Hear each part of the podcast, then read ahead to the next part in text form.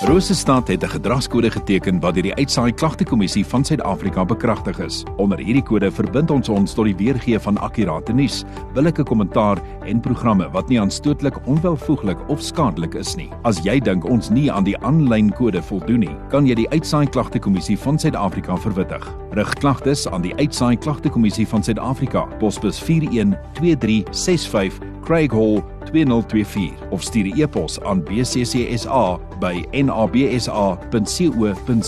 Vir verdere inligting, besoek www.bccsa.co.za. Wat sê die woord op Rosestad 100.6 FM.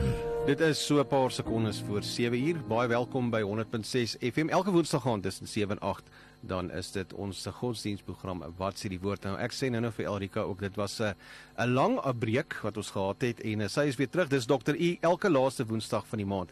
Daar kom antwoord sy daai vrae wat jy vir haar instuur. Elrika Nancy Baie dankie dat jy my so vriendelik groet. Ek het jou lanklaas gesien. Dis heerlik om hier te wees. Baie lekker. Nou uh, Dr. Elrika is elke laaste woensdag van die maand in die ateljee en dan hanteer sy daai vrae wat jy vir haar instuur. So ons gaan uh, hier en daar 'n liedjie speel, maar uh, vanaand se program handel hoofsaaklik oor die oor haar oor die gesprek en daar is twee vrae en ek gaan sommer laat sy vir ons so vinnig wegtrek met die eerste een en dan gaan ons nou-nou by die die goed by die ander een kom wat so dalk so 'n bietjie langer gaan neem. Ja. Maar so kom ons terug die, die eerste vraagie vir vanaand wat ons ook gaan hanteer. Wat is hy? Ons gaan vra of ons gaan ge gesels oor wat is die roos van Saron en hmm. wie is die roos van Saron? Ja. En ek weet nie of dit nou vir enige iemand bekend klink nie. Ons ons loop hierdie uitdrukking, kom ons tee, ons loop om raak in in in Hooglied 2 vers 1. En daar staan ek is 'n narsing van Saron 'n lelie van die dale. Dit is nou die ou Afrikaans. Die 1983 sê ek is 'n afodil van Saron, 'n lelie van die dale. En die Engels praat van die Rose of Sharon. Mm. Nou uh die 2020 sê ek is die tulp van Saron. So wat gaan hier aan? Waar waar waar val hierdie storie uit? Nou ehm um, ander vertalings praat van a flower of the field. Die 2020 wat praat van die tulp van Saron is daarso 'n bietjie meer korrek want dit word meer geassosieer met 'n bolplant. Nou goed, die King James praat van I'm the rose of Sharon. Ek het jare jare terug, letterlik in die vorige eeu toe ek nou vir 'n oomblik in Oxford was vir 'n oomblik, het ek daar eers by 'n plekkie 'n klein kruisie gekoop wat jy so vasspeld aan jou klere en bo op hom was sulke rosies geverf. Nou intussen dis die ding nou verlore, maar ek onthou dit nog vreeslik helder. So die idee van die roos van Saron is iets wat ek ook in my kop mee geloop het en dan assosieer ons dit met Jesus. Sommige mense sou dit is die algemene aanname dat die roos van Saron is Jesus mm. en toe wil ons nou so 'n bietjie grou maar waar kom hierdie aanname nou vandaan? Is daar eintlik hoegenaamd nou so iets?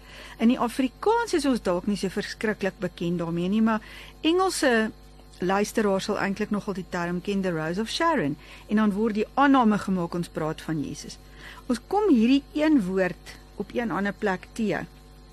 Dis in Jesaja 35 vers in die Engels baie keer vers 1 en dan spoel hy in die Afrikaans voor en oor in vers 2 En dit gaan die woestyn en die dorland sal bly wees en die wildernis sal juig en bloei soos 'n narsing. Dit sal lustig bloei en juig, ja, met gejuig en gejubel. Die heerlikheid van die Libanon is aan hom gegee. Die seraad van Karmel en Saron. Daar het ons weer met hierdie Saron en hierdie roos of hierdie narsing van Saron te doen. OK. Nou wat op die aarde is Saron? Waaroor gaan hierdie hierdie snaakse ding wat ons teekom?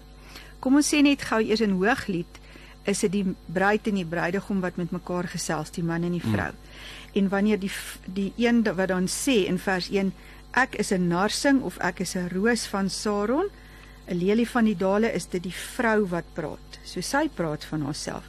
So dadelik daar haar klop ons eintlik in 'n probleem in as ons nou sê Jesus is die roos van Saron want die plek waar ons iemand dit hoor praat is dit nou hierdie vrou wat die bruid is. Dis nie as ons Jesus dan wil assosieer, dan is Jesus die bruidegom. Mm. Maar dis die bruid wat die woorde sê. So dadelik daar haar klop ons in 'n hekkie vas.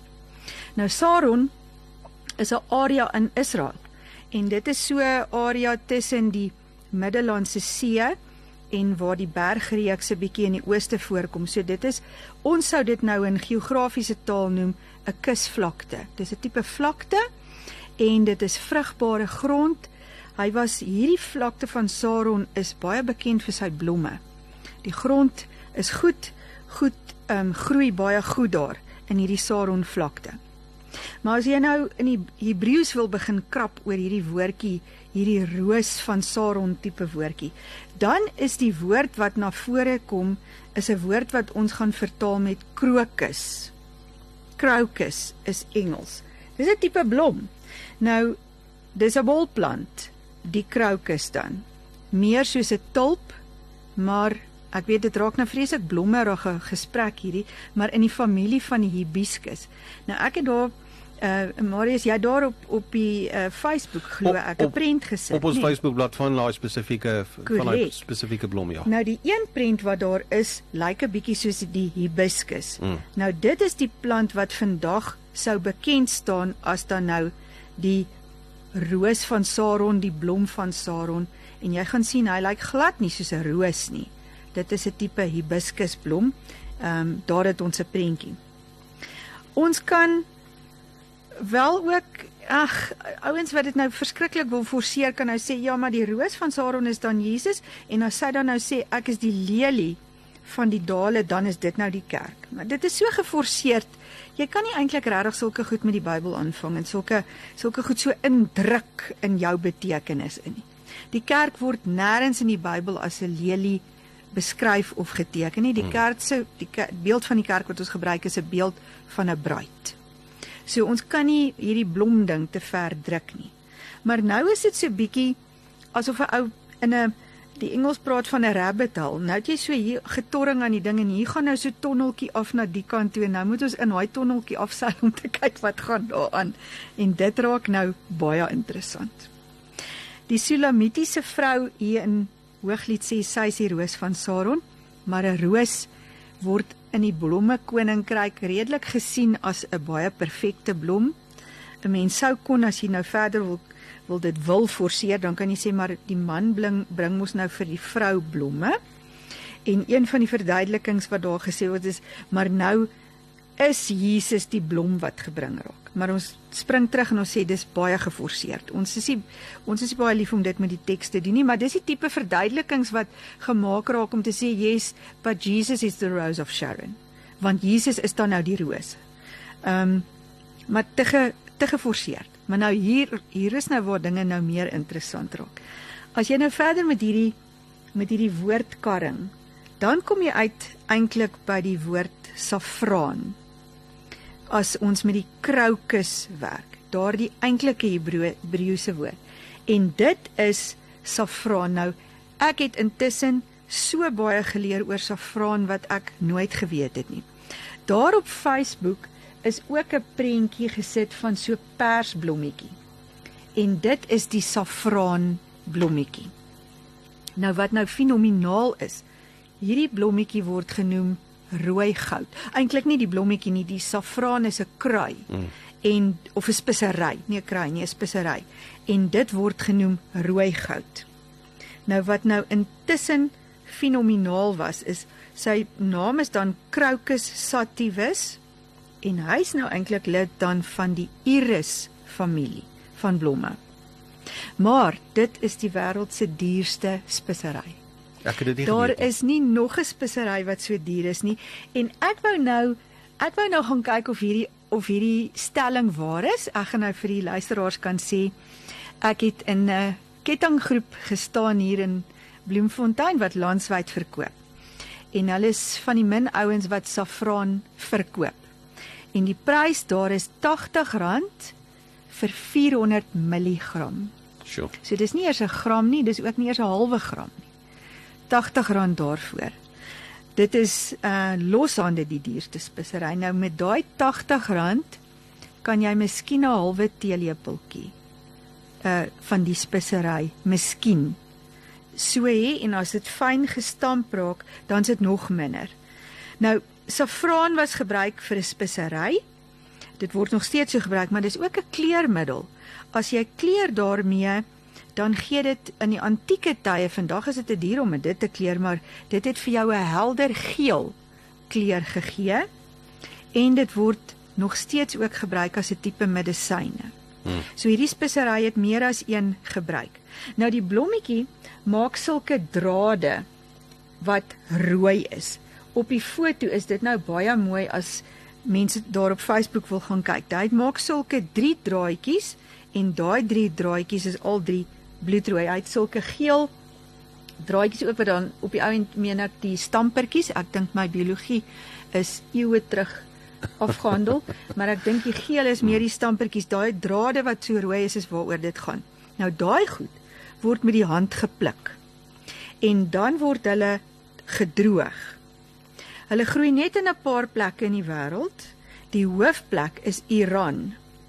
En dan kry jy ook van hulle in Afghanistan, klein bietjie in Griekeland, klein klein bietjie in Marokko en dan in Indië. Dis 'n ongelooflike arbeidsintensiewe spesery om te om te oes omdat daar nie een aspek daarvan is wat jy met 'n masjien kan doen nie. Jy kan nie enige deel die blommetjie moet met die hand geoes raak die blaartjies moet met die hand versigtig afgetrek raak sodat jy by daai draadjies kan kom en hulle nie breek nie. Mm. Dan moet hulle met die hand uitgehaal raak en eenkant gesit raak. Dis 'n vreeslike storie. Mense kan eintlik 'n bietjie op YouTube van daai video's gaan kyk. Daar's 'n oulike een oor die wêreld se duurste speserye. En hy begin sommer dink ek met saffraan. My mond het oopgegaan. Nou die ander ding is hulle moet hierdie ding oes voor 7 uur in die oggend.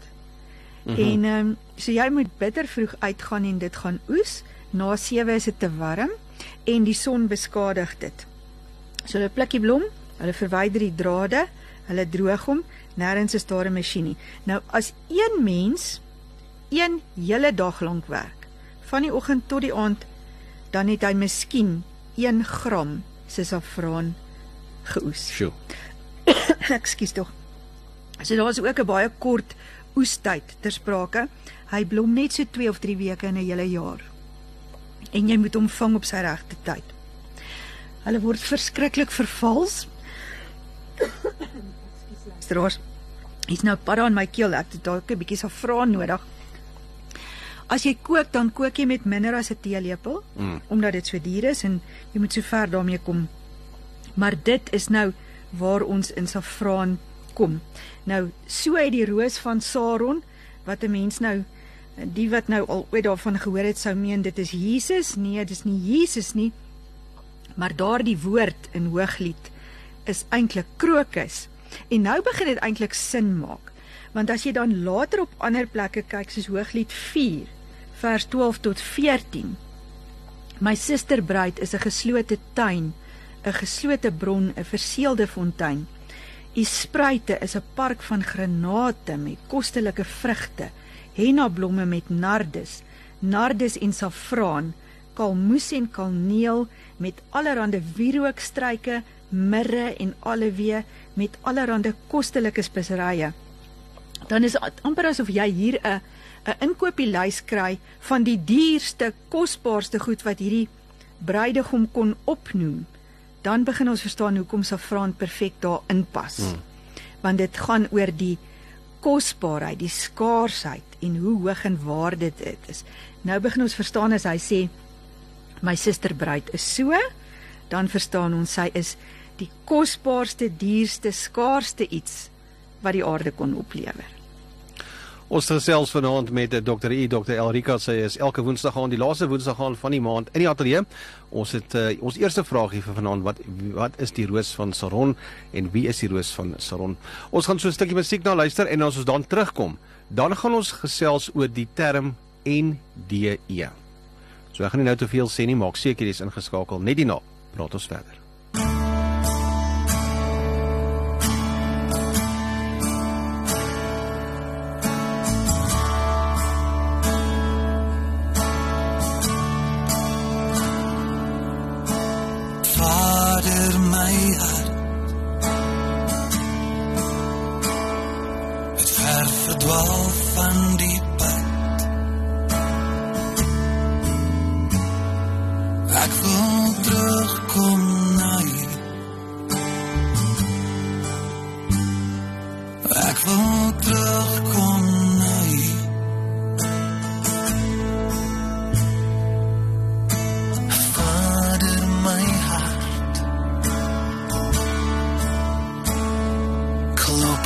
F and E I.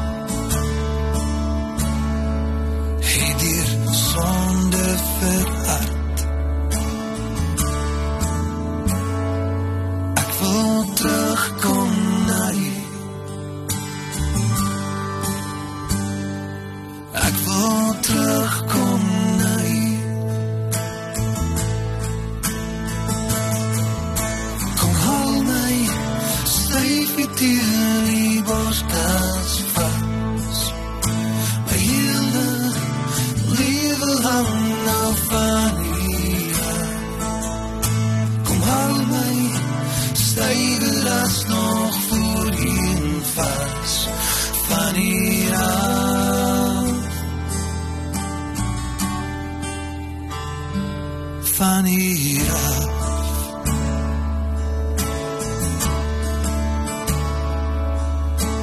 terugkom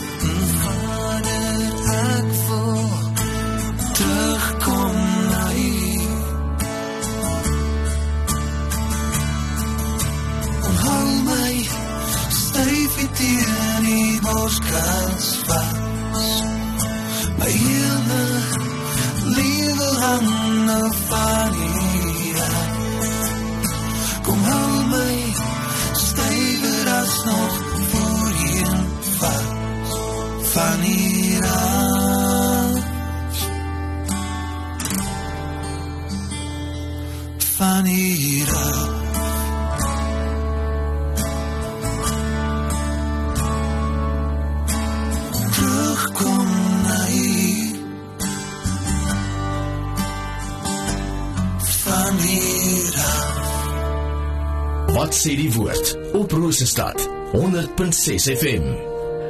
Is so 18 minute na 7 baie welkom ook as jy dalk sopas ingeskakel het hier by 100.6 FM Woensdae is dit wat sê die woord. En die laaste Woensdag van elke maand dan is Dr Elrika ook in die ateljee en uh, ons het uh, net voor die musiek geluister na of, ons tema was of die eerste vraag hier wat is die roos van Saron en wie is die roos van Saron? So ons hoop hy het hom daar vir jou geantwoord.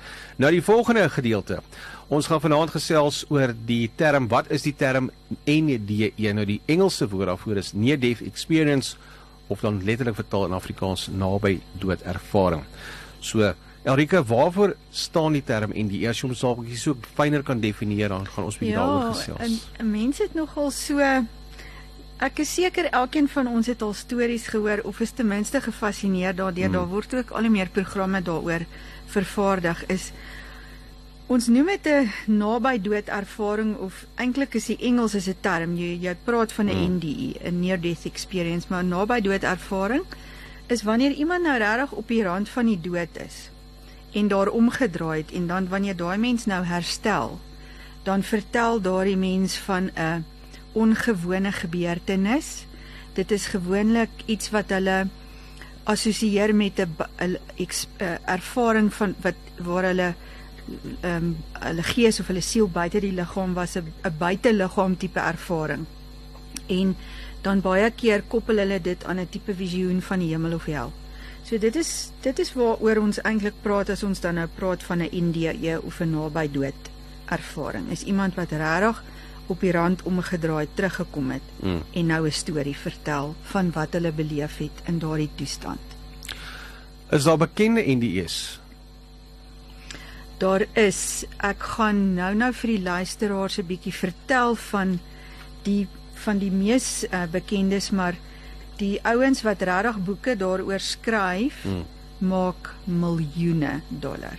So dit is 'n baie winsgewende industrie as jy 'n boek kan publiseer oor jou naby dood ervaring. ons moet dalk ons moet dalk iets uh reël vir 'n fondsinsameling en 'n boek of twee.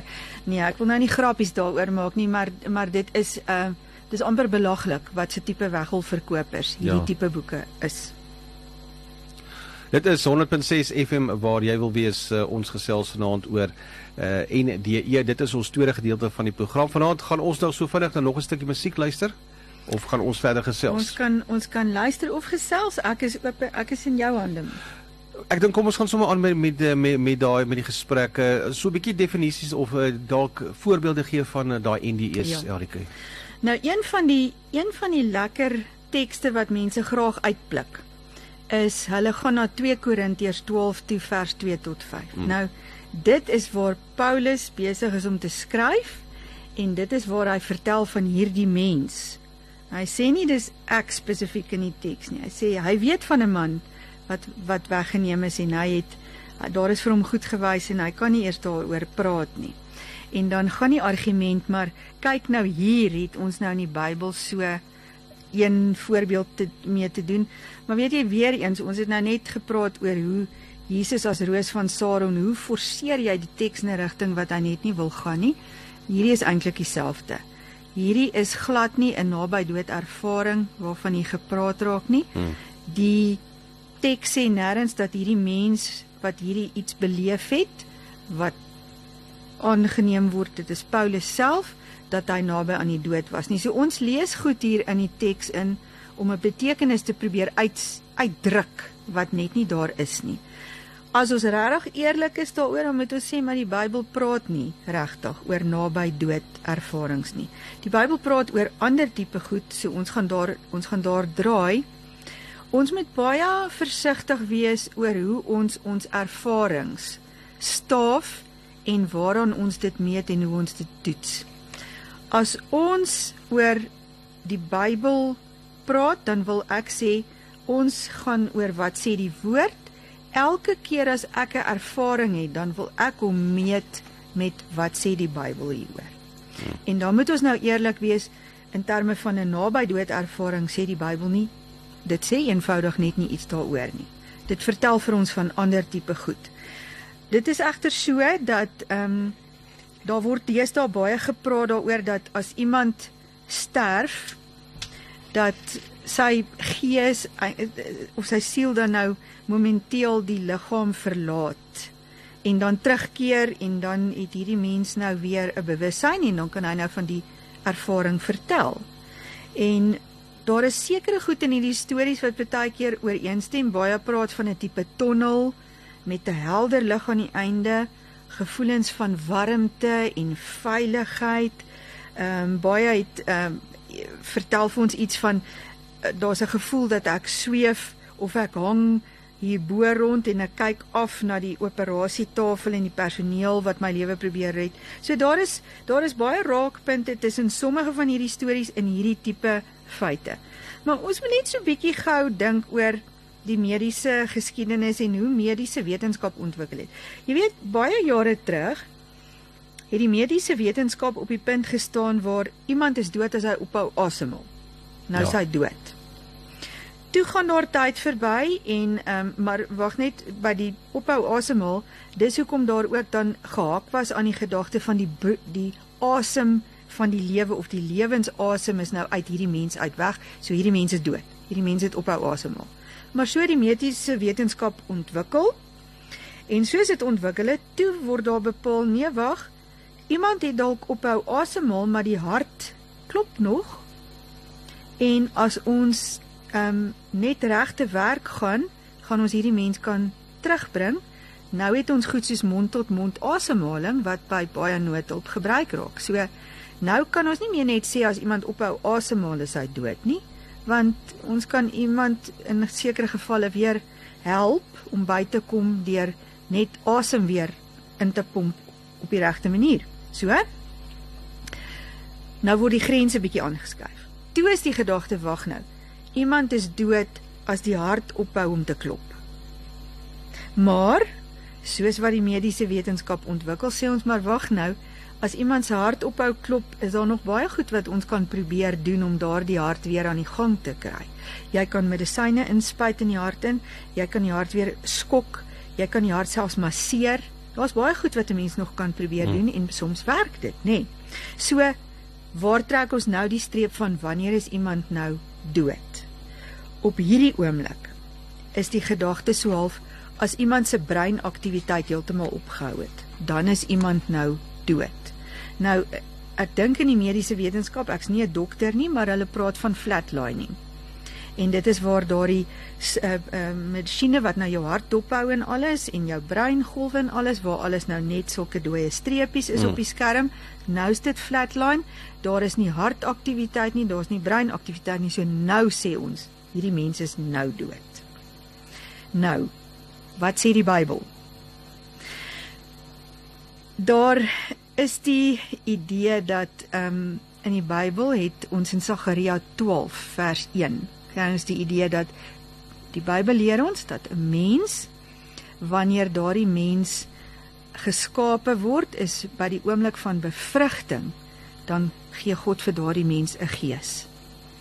En daardie gees in daardie mensie ontwikkel dan tot 'n unieke persoonlikheid en hierdie gees gaan die fisiese dood eendag oorleef en gaan aanhou leef. So hier het ons so half uit Sagaria 12 vers 1 'n breë perspektief. Jakobus 2 vers 26 in die Nuwe Testament. Het 'n baie interessante manier hoe dit gestel raak. Ek gaan dit vir ons lees vanaand. Want soos die liggaam sonder gees dood is, so is ook die geloof sonder die werke dood. Nou hy's op pad na 'n ander punt toe. Hy praat oor geloof en werke, maar 'n liggaam sonder 'n gees is dood in Jakobus 2 vers 26. En ons wil mos nou net bly by wat die woord vir ons hierso sê. So ons gaan sê in terme van die Bybel, as iemand se gees nie meer in die liggaam is nie, dan is daardie mens dood. En vir so iemand om weer lewendig te word, beteken die gees moet weer terugkom in die liggaam. En die Bybel het daarvoor 'n woord: opwekking. Opwekking, hmm. opstanding uit die dood. So dit is nie bybring nie. Bybring is iets anders as die gees eers regtig die liggaam verlaat het en dit kan ons nie medies meet nie. Vir daardie gees om terug te kom, dan het ons die woord wat ons gebruik opwekking uit die dood uit. So ehm um, maar in die gevalle in die Bybel en daar is gevalle. Ek gaan gou so vinnig 'n paar noem. Die weduwee van Sarfat, ons kom haar teen 1 Koning 17. Ehm um, haar seun gaan dood en Elia vra die Here en dan gee die Here sy versoek en die kind word lewendig, die siel keer terug in die liggaam. Later in 2 Konings 4 het Elisa, die Sunamitiese vrou, haar seun gaan dood en hierdie kind word weer lewendig. Johannes 11:43 Lazarus. Lazarus is al in 'n gevorderde stadium van ontbinding.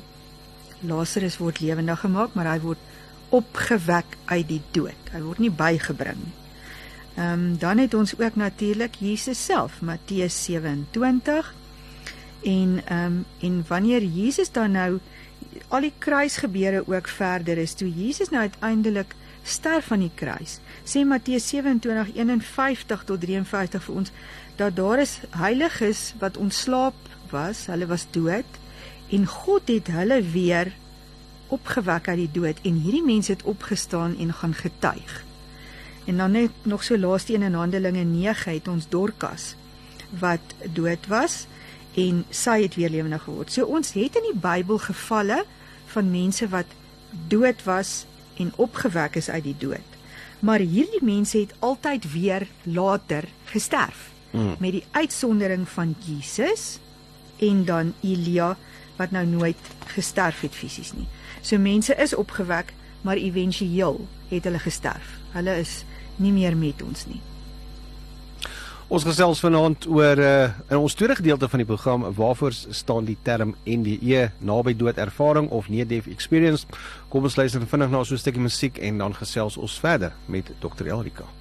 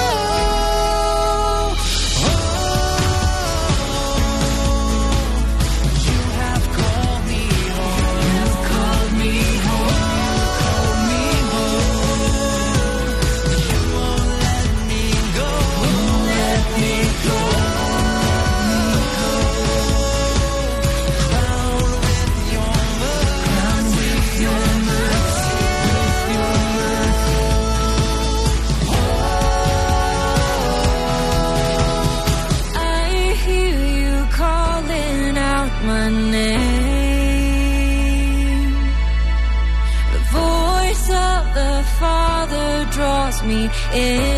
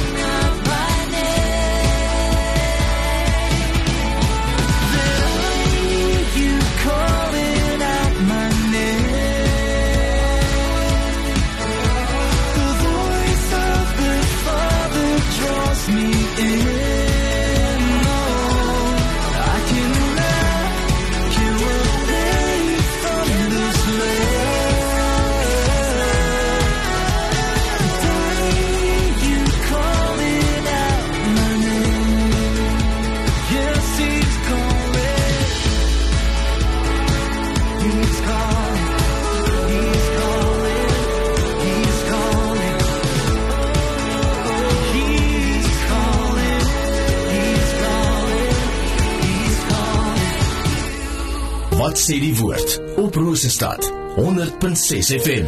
Is 25 minute voor 8. Ons gesels vanaand met Dr. Elrika. Nou onthou sy beantwoord elke laaste Woensdag aand van die maand jou vrae. En as jy vinnig 'n pen of 'n potlood wil gryp, ek gaan dit vir jou nou-nou ook gee. Haar e-mailadres, baie maklik. elrika.senekal@of by telkomsa.net elrika.senekal@telkomsa.net. So as jy enige vrae het wat jy dalk wil hê sy moet vir ons op die program hanteer en bespreek, is jy baie welkom om dit ook vir haar te stuur. Ons gesels vanaand in die tweede gedeelte van die program oor near death experience of NDE naby dood ervaring en Elrika gaan vir ons 'n bietjie meer info gee rondom dit ook. Ja. Baie van hierdie NDE's naby dood ervarings lyk asof dit plaasvind as mense onder die operasiemes is op 'n operasietafel of as hulle in 'n toestand van narkose is of daar uitkom. En daar is eintlik nogal baie navorsing daaroor gedoen, soveel so dat daar al redelik studies gedoen is en daar is nog terme geskep. Een van die terme wat nou hieraan gekoppel word is valse geheue sindroom.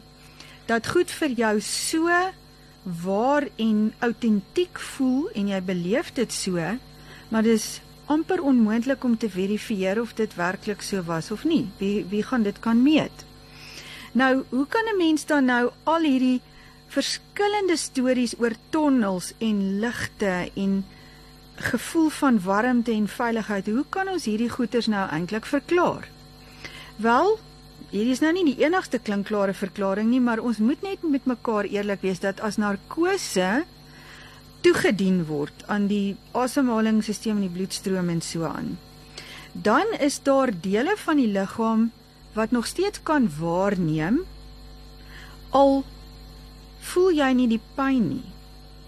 So dit is ehm um, jy het, mense kan nog steeds sien, mense kan nog steeds hoor maar hulle is op 'n manier glad ook nie bewus daarvan nie, maar jy het nie opgehou hoor nie, jy het nie doof geraak in daai tyd nie. Hmm. Jy het ook nie blind geraak in daardie tyd nie. So Nou moet ons vra maar as ons dan nou praat oor alles wat onder narkose en daarna gebeur, kan dit 'n invloed hê dat dit so helder vir mense is. En dan moet ons eerlik wees en sê dis moontlik.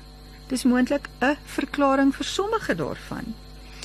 Ehm um, Een gedagte wat ons net vir mekaar moet vra is as hierdie naby dood ervarings so autentiek is en ons moet dit so vertrou, dan moet ons net vra waar is hierdie individu wat voor na vore tree en sê ons het 'n definitiewe belewing van die hel gehad en dit is 'n waarskuwing en nou kry ek 'n tweede kans en ek dop my hele lewe nou om want ek weet hoe lyk die ander kant ons kry nie baie daarvan nie Hebreërs 9 vers 27 dui aan dat die mens een keer sterwe en na dit volg die oordeel. Jy gaan beoordeel word. Nou buiten vir die voorbeelde in die Bybel en ons het ook nou terwyl die musiek gespeel het gesels oor Jairus se dogtertjie in Lukas 8.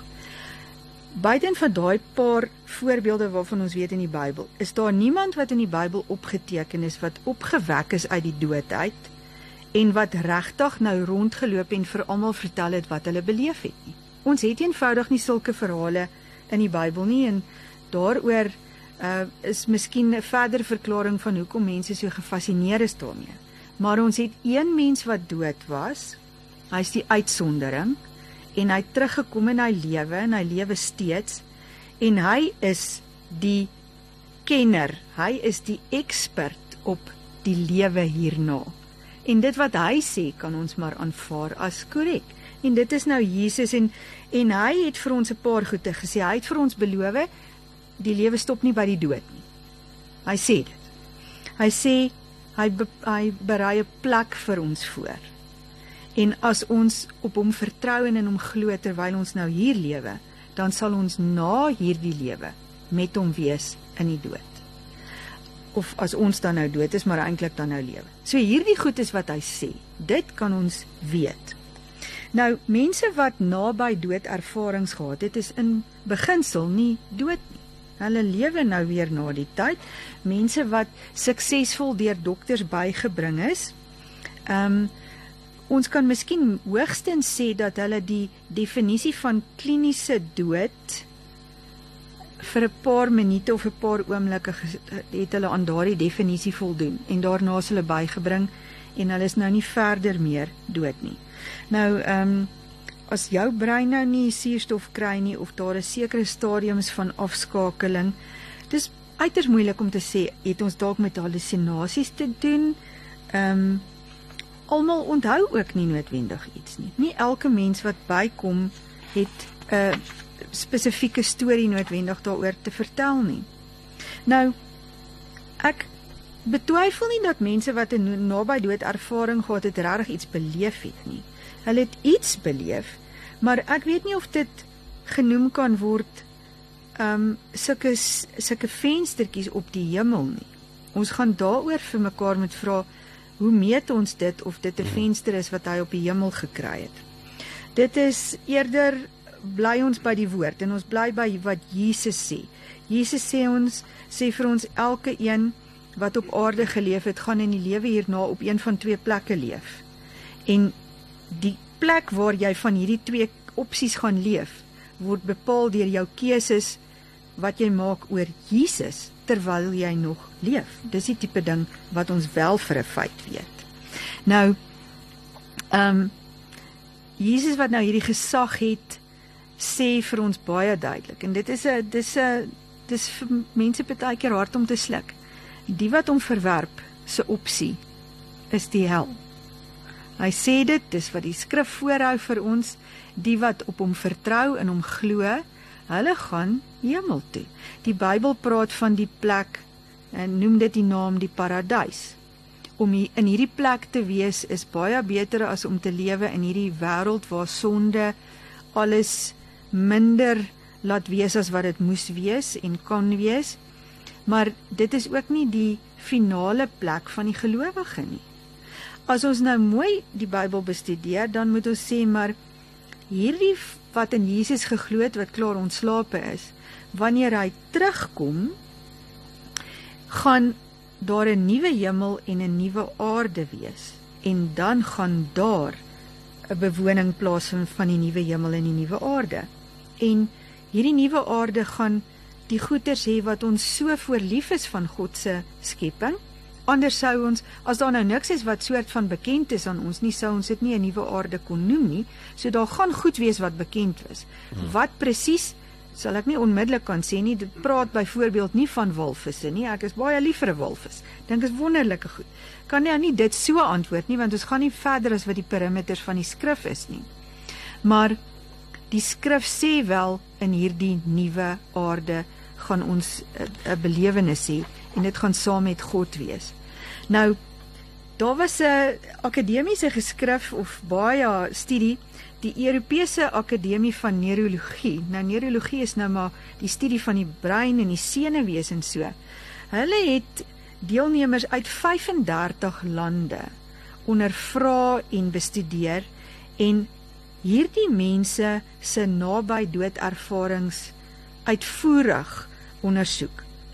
Hoor hierdie getal, toe kom hulle agter dat omtrent 1 uit 10 mense maak aanspraak op 'n naby dood ervaring. 1 uit 10. Dis ongelooflik baie volgens my.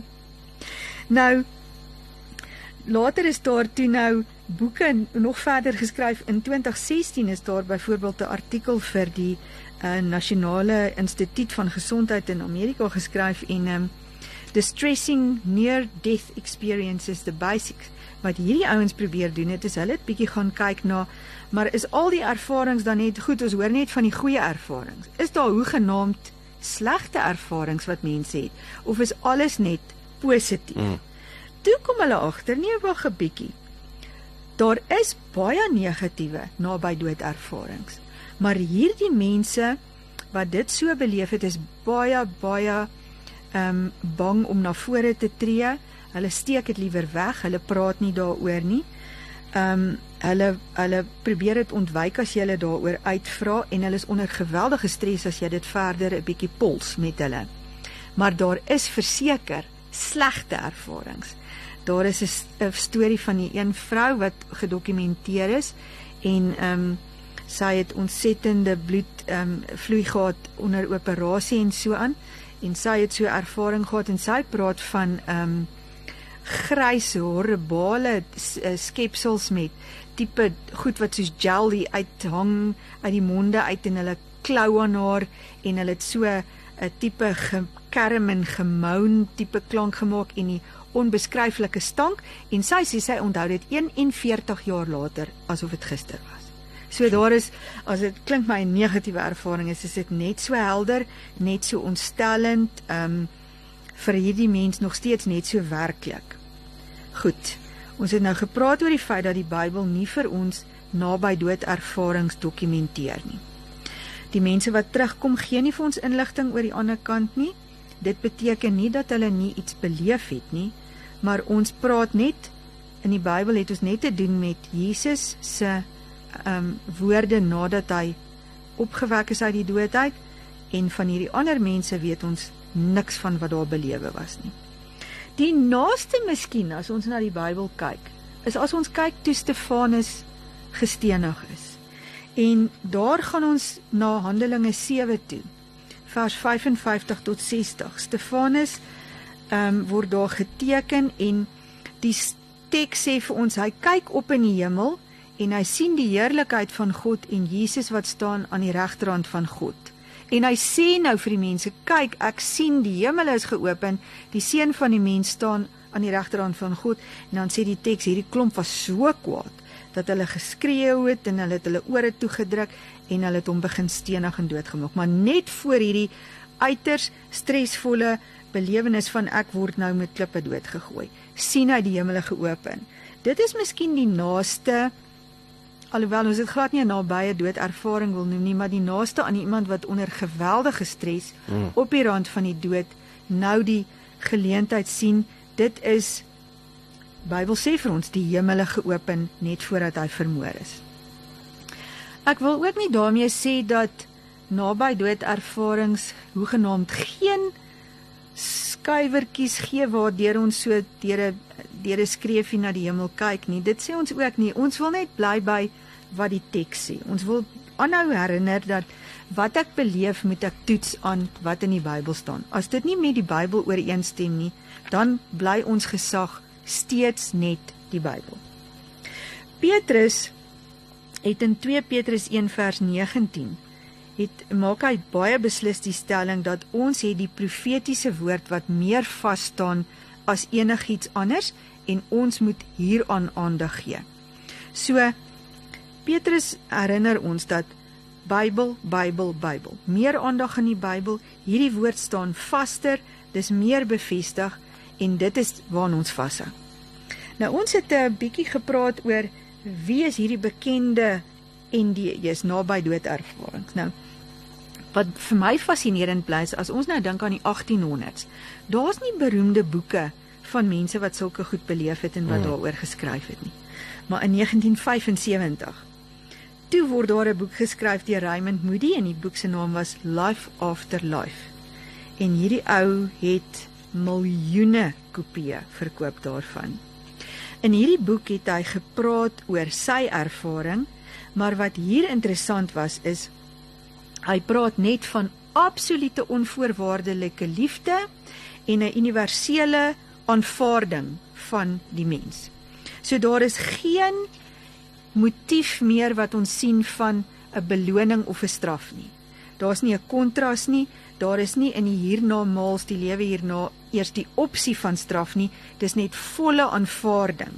Nou ons moet hierdie merk half hierdie 1975 boek want van hier af is dit amper asof die deure oopgegooi is en hierdie idee van warmte, aanvaarding, veiligheid uh daar is geen slegte belewenis nie. Hier is nie 'n hier's nie 'n ander opsie nie. Ons gaan hier eindig in 1992 skryf Betty Eady 'n boek Embraced by the Light.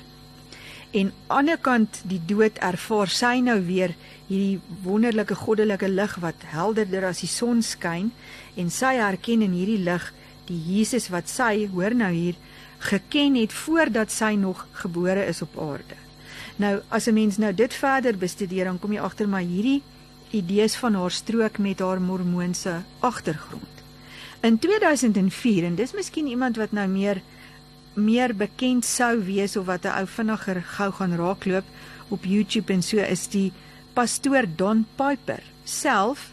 Hy skryf 'n boek 90 Minutes in Heaven oor sy belewenis. Dis nou so onlangs as 2004. Hierdie boek word nog steeds gedruk. Hy maak die stelling daar ek kan nou met gesag praat van die hemel want ek het eerstehandse ervaring. Hy maak die stelling net so kategories in die boek. En in later in die boek sê hy Jesus gaan nog terwyl hy lewe terugkeer. Nou dit is 'n dit is 'n baie ehm um, selfversekerde stelling om te maak in so 'n tipe boek. In 2006 skryf Bill Wiese nog 'n boek wat 'n multimiljoen verkoper is. Sy boek se naam is 23 Minutes in Hell. En hier het ons nou vir die eerste keer iemand wat vir ons 'n boek skryf waar die hele boek nou gaan oor sy belewenis. Nou hy is ontdek 'n wêreld van inligting wat glad nie in die Bybel vir ons opgeteken is nie. Hy kan vir ons temperature gee en die ligging van die hel en hoe demone lyk en wat hulle aanvang en dit alles is nou in hierdie boek van hom 23 minutes in hell wat ja vandag nog gedruk word. In 2010 hierdie een gaan baie bekender klink is 'n boek gepubliseer Heaven is for real a little boy's astounding story of his trip to heaven and back. Nou hierdie boek was vir meer as 44 weke die topverkopende boek op die New York Times bestselling lys. Dit is mense, dis amper 'n jaar wat Dis hierdie lank, boek ja. die topverkoper boek wêreldwyd is. Dis geskryf deur pastoor Todd Burpo en dit vertel die storie van sy seun Colton. En hier vertel Carlton dat God lyk soos 'n bietjie soos Gabriël, hy's 'n bietjie groter, hy't blou oë, hy't geelerige blonde hare, hy't groot vlerke. Jesus het seegroen blouerige oë, hy't bruin hare, hy het nie vlerke nie, maar hoor hierdie, hy het 'n perd wat die kleure van die reënboog is. Mense, ek jok nie, dit is in hierdie boek wat amper 'n jaar lank die topverkoper was en hy word vandag nog so soetkoek verkoop. Die Heilige Gees is blouerig maar moeilik om te sien. Dis die tipe goed wat in Carlton se boek is. Heaven is for real. In 2012 mega mega topverkoper Proof of Heaven a neurosurgeon's journey into the afterlife. En dit is Dr. Eben Alexander. Nou hy skryf as 'n nie gelowige mens oor sy ervaring van sy ehm um, NDE. Hy is natuurlik beter as al die ander want hy sê I was allowed to die harder and travel deeper and than almost all NDE subjects before me. So hy het nou hy het nou gegaan vir goud daar en hy sê kategories daar is niks wat jy verkeerd kan doen nie. So dit is absolute aanvaarding, alles is net goed. Die implikasie hiervan is natuurlik verskriklik want dit impliseer dat niemand het 'n ander plek. Daar is nie iets soos hel nie want alles word aanvaar en jy kan doen wat jy wil want jy gaan by hierdie plek eindig. En dit is nie dit is nie wat die Bybel ons leer nie. Ag ek kan aangaan met hierdie lys, maar jy kry die idee. Ons het bekende mense wat miljoene maak uit hierdie boeke. Miskien moet ons eerder vra as ons dan na Openbaring toe spring, net so vir 'n gedagte en mense wil graag Openbaring so vat en elke dingetjie wat daar gesê raak, vat en 'n prentjie maak en dit die prentjie maak van hoe die hemel is. Miskien moet ons sê Openbaring wil nie spesifiek net vertel hoe lyk die hemel nie. Openbaring wil vertel hoe is die hemel. Hmm. En ek het iets saamgebring wat ek met vreugde um, met Marius gedeel het en luisteraars kan vir hom kontak en hy sal dit aanstuur. Daar is 'n lieflike studiegidsie. Ek dink hy's 18 bladsytjies. What will heaven be like? En is geskryf deur Joel James. Dit is gratis beskikbaar en dit kan op as PDF op WhatsApp met jou gedeel raak. En wat Joel so goed reg kry, is hy bly net by die Bybel. Wat kan ons van die hemel sê gebaseer op dit wat ons in die Bybel sien? Wat kan ons ehm um, hoe kan ons uit dit uit 'n prentjie bou? Maar dit is baie soos wat ons hier sê. Nie hoe lyk dit nie, Mm. hoe is dit? Want daaroor is daar baie meer gesê. Die laaste ding wat ons miskien net aan moet raak voordat ons klaar is is mense het belewennisse. Ons gaan nie sê dat niemand dit niks beleef nie. Maar ons bly by die idee dat ons meet dit op grond van die Bybel. As dit strook met die Bybel en dit is parallel daarmee kan ons daaraan gesag gee. As dit lynreg daarmee insny, dan kan ons eenvoudig net nie die keuse is dan duidelik, dan gaan ons met wat die Bybel sê. As 'n slotgedagte elke mens wat geleef het van Adam en Eva af het gesondig in Adam en Eva in die tuin van Eden. Elke mens wat voor ons geleef het is éventueel dood. En dit is die een ding wat die mensdom saambind, dis die ding wat ons weet. 'n Naby dood ervaring is vir ons so amper asof dit ons oor 'n muur kan laat loer na die wêreld na dood. Die wêreld hmm. hierna, dis vir ons fascinerend. Ons kan nie vasstel of dit van God kom of nie van God kom. Die Bybel gee nie vir ons dit nie, maar ons kan wel sê almal gaan sterf. Hebreërs sê vir ons nadat jy gesterf het, wag die oordeel. Maar ons kan wel sê dat die Bybel sê vir ons daar is 'n lewe hierna en daardie lewe wag vir jou op grond van die keuses wat jy maak. So ek wil vir elkeen wat wat luister hierdie laaste gedagte. God gee vir die mens op aarde, hierdie lewe wat jy leef op aarde, is die tyd wat jy het om jou gees voor te berei vir waar hy gaan hmm. leef altyd in ewigheid. As 'n mens sterf, gaan daardie liggaam na die graf toe, maar die gees gaan na die volgende riem toe en wag ook onder andere vir die finale oordeel. Wanneer Christus weer kom, gaan daardie oordeel plaasvind en dan gaan almal voor God staan. Ons gaan die uitspraak kry van hierdie ewige hofbevel hel of hemel vir altyd. So terwyl daar tyd is, terwyl daar vandag is, maak seker dat jou keuses reflekteer op 'n manier waar jy definitief ewigheid gaan spandeer. Absoluut. Dit was dan wat sê die woord saam met Dr. Elrika vanaand. Uh, Dr. Elrika gaan vir ons afsluit met 'n gebed. Dit sal 'n totale plesier wees. Here, dit is so voorreg om saam met soveel mense wat luister laag voor u troon te buig en net aan u al die eer te bring. En ons wil sê, Here, daar is 'n klomp goed wat ons glo. Ons glo dat u vir ons presies genoeg gegee het in terme van inligting om die regte besluite te kan maak.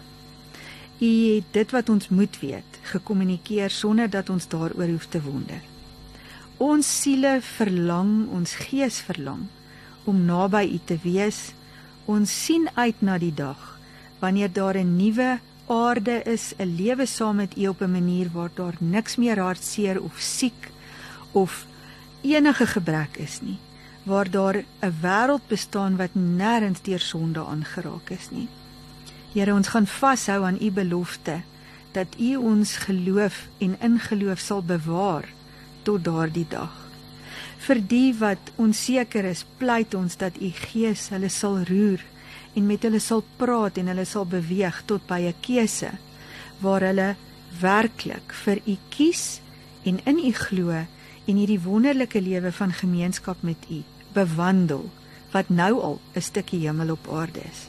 Dankie dat u ons so goed ken en dat u ons so liefhet dat u bemoeienis maak met ons en u hand na ons toe uitsteek lank voordat ons u eers begin soek. Amen. Amen. Arika baie dankie vir vanaand se program. Absolute voorreg om jou ook weer in die ateljee te hê. Nou net onthou as jy met Dr. Evil kontak maak, jy wil dalk hy vra instuur wat jy uh, nie dalk te bang is om te vra en wat ons in hierdie program gaan hanteer. Ja. Elrika Senekal, dis baie maklik Elrika E L R I K A Senekal uh normaalweg S E N E K A L by of @telkomsa.net. Jy kan net vir in die onderwerp sê wat sê die woord met Dr. U en dan kan jy 'n vraag stuur en dan uh oor so 4 weke vanaf dan gesels ons bietjie verder. Nou net voor ek vir haar groet, uh, ons gaan daai boekie as jy natuurlik daai 'n um, uh, eksemplaar benodig of wil aanvra what will heaven be like. Kan jy ja. vir my net 'n WhatsApp stuur of jy kan vir my e-mail stuur marius@rosestad.co.za of hier in die ateljee 0619911006. Ek stuur dit vir jou met liefde aan en uh, baie dankie ook dat jy as luisteraar deel is van die program. Elrika, baie dankie. Baie geseënde week en uh, ons sien mekaar dan oor 4 weke. Heerlik. Ek sien uit daarna en luisteraars vra vir daai boek. Is vreeslik oulik om te lees. Is net 18 bladsye. Absoluut. Dit was dan Dr. E vanaand in wat sê die woord.